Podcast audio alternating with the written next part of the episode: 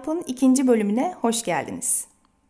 Bu bölümde belki de insanlık tarihinin en uzun süredir e, hype haline getirilmiş konusundan bahsedeceğiz. Gelecek tahmini öngörüden bahsedeceğiz. Bu yıl koronavirüsünün ortaya çıkışı, depremler ve Suriye Savaşı'ndan sonra yine Nostradamus ve Baba Vanga'nın kehanetleri tartışılmaya başladı. Bu bölümümüzde de bu iki kahinin hem kendilerini tanıyalım hem de kehanetlerini kısaca anlatalım diye düşündük. Fransız bir fizikçi, astrolog ve doktor Nostradamus. Esas ismi de Notre Dame ama popülerleşmeye başlamasıyla birlikte e, Nostradamus olarak anılıyor. Nostradamus aslında popülerliğini ilk olarak e, gelecek tahminleriyle değil de doktorluğuyla kazanıyor. Fakat sonra hayatının çok trajedik bir dönemine giriyor. Çok genç yaşlardan itibaren sağlık alanında çalışıyor ve e, doktorluğunun ilk yıllarında Fransa'da bir şarbon salgını baş gösteriyor. Nostradamus da bir doktor olarak ailesini bile geride bırakıp e, şehir şehir gezerek şifa dağıtmaya çalışıyor Fransa'da. Bu çalışmaları da kısmen başarılı oluyor ve bu şekilde tanınan birisi haline geliyor. Fakat sonra eşi ve iki çocuğu e, çare bulmaya çalıştığı şarbondan hayatını kaybedince kendi ailesini tedavi etmedi ya da edemedi şeklinde bir düşünceyle resmen dışlanıyor Mikel Notre Dame. Bu yüzden Fransa'nın başka bir şehrine taşınmak zorunda kalıyor ve burada e, başka bir aile kurmasına rağmen kendini dini çalışmalara veriyor daha çok. Aslında Katolik bir Hristiyan Nostradamus ve Hristiyanlık üzerine çalışmalar yapıyor. Ama e, geceleri çalışma odasında tek başına kalınca saatlerini meditasyon yaparak geçiriyor. Önüne bir kase su ve bir takım bitkiler koyarak odaklanmaya başlıyor ve kehanetleri de bu şekilde gelmeye başlıyor.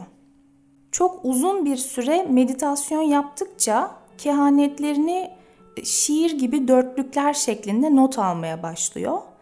E, ve bir süre sonra biriken bu dörtlükleri kitap haline geliyor. Kehanetlerini şiir gibi yazdığı için e, imgelerle ve karmaşık anlatımlarla dolu. Bu dörtlüklerin ne anlama geldiğini ise daha sonra e, Peter McCall isimli bir şifre çözücü bize aktarmaya başlıyor. McCall birçok kehanetini Nostradamus'un kendisinin bile açıklayamayacağını söylüyor.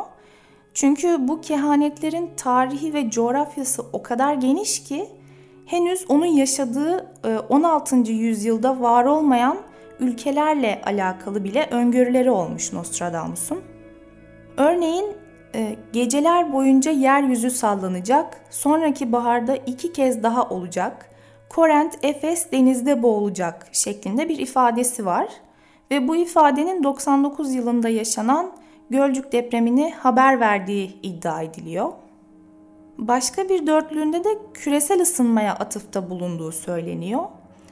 E, o dörtlükte de 40 yıl hiç gök kuşağı görülmeyecek, sonra 40 yıl boyunca her gün görülecek, kurak topraklar daha da kuraklaşacak, ardından dev su baskınları gelecek diyor Nostradamus.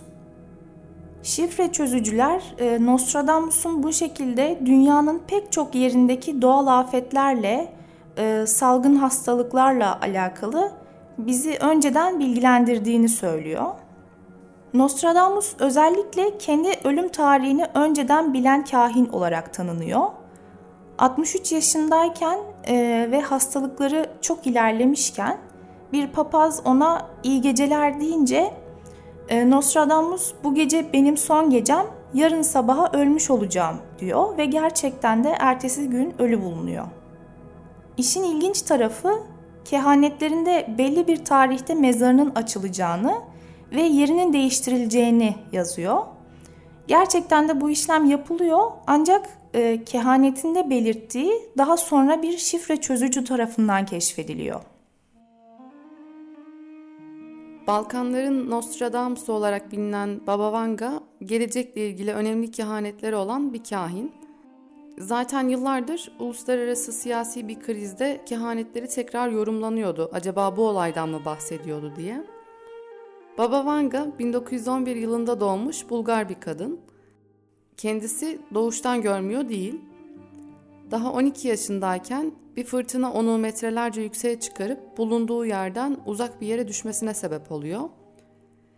Gözlerinde dolan kum tanecikleri sebebiyle de görme yetisini kaybediyor. Bir gün savaştan dönmesi gereken eşini bekleyen bir kadına eşinin gece yarısı saat 12'de eve geleceğini söylüyor. Ve söylediği gibi de kadının kocası o gece yarısı eve geliyor. E, bunun dışında kaybolan eşyaların yerlerini insanlara söylüyor ve dediği gibi de insanlar eşyalarını Vanga'nın tarif ettiği yerlerde buluyorlar. Ayrıca 2. Dünya Savaşı'nın olduğu yıllarda insanlara yaptığı yorumlar insanlara umut aşılıyor. Kendisini ülke genelinde duyuracak kehanetini yaptığında 30 yaşında. Avluda otururken yanına bir adam yaklaşıyor ve kendisini tanıyıp tanımadığını soruyor. Vanga onu tanımadığını söyleyince adam kendisinin bir aziz olduğunu ve yakında bir savaş çıkacağını söylüyor. Vanga'dan bu savaşta kimlerin öleceğini söylemesini istiyor. O da sana bu savaşta kimlerin öleceğini söyleyeceğim ve sen de bunu göreceksin diye cevap veriyor. İkinci Dünya Savaşı'ndan sonra Vanga isimli bu genç kadının kehanetleri ülke geneline yayılıyor.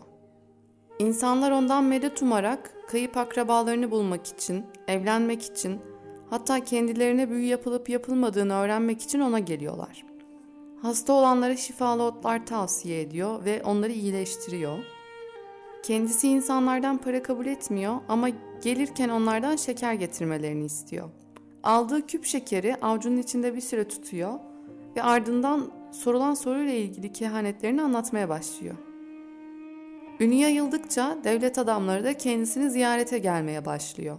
Bulgaristan Çarı 3. Boris kendisini ziyaret eden ilk devlet adamı.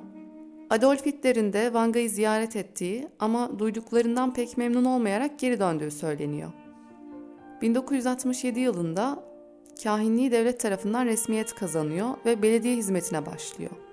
Hatta kendisine insanlar tarafından çok rahatsız edilmemesi için özel görevliler veriliyor ve ziyaretçileri de içeriye sırayla alınmaya başlanıyor. Siyasetçiler Vanga'nın söylediklerini çok önemsiyorlar. Hatta Bulgar devleti onun kehanetlerini bir deftere kayıt altına aldırıyor. Rus KGB ajanları da düzenli olarak ziyaretine geliyor.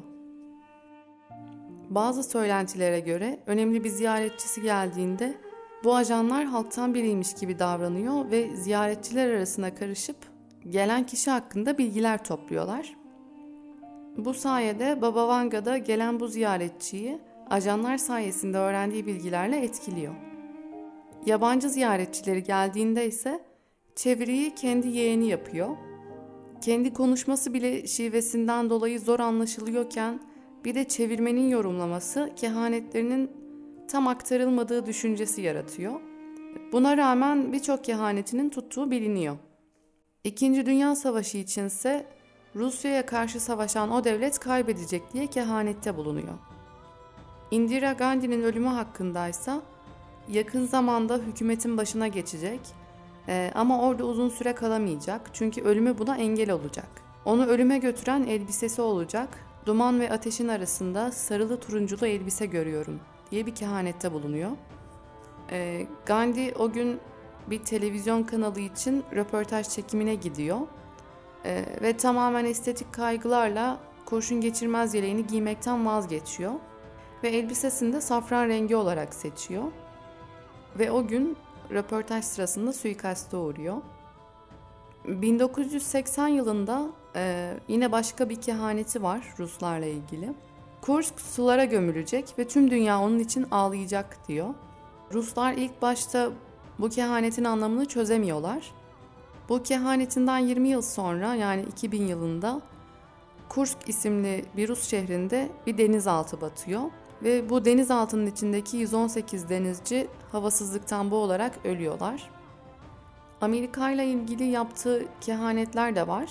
İkiz Kuleler saldırısıyla ilgili e, iki Amerikan kardeş çelik kuşlar tarafından düşürülecek. Kurtlar çalılarda olur ve suçsuzların kanları deve gibi akar diye bir kehanette bulunuyor. Ayrıca Obama'nın devlet başkanı olarak seçileceğini de tahmin ettiği söyleniyor. Bir gün Amerika'da beyaz ev siyah olacak, okyanusun ötesindeki siyah insanlar da beyaz diye yaptığı kehanetin bu olayı işaret ettiği düşünülüyor. Evet, bu programda daha önce hiç e, duru görü ya da gelecek tahmini e, konusundan bahsetmemiştik. Bu şekilde dünyanın en çok bilinen iki kahinini sizlere aktarmış olduk. Bir sonraki bölüme kadar görüşmek üzere. Kendinize iyi bakın.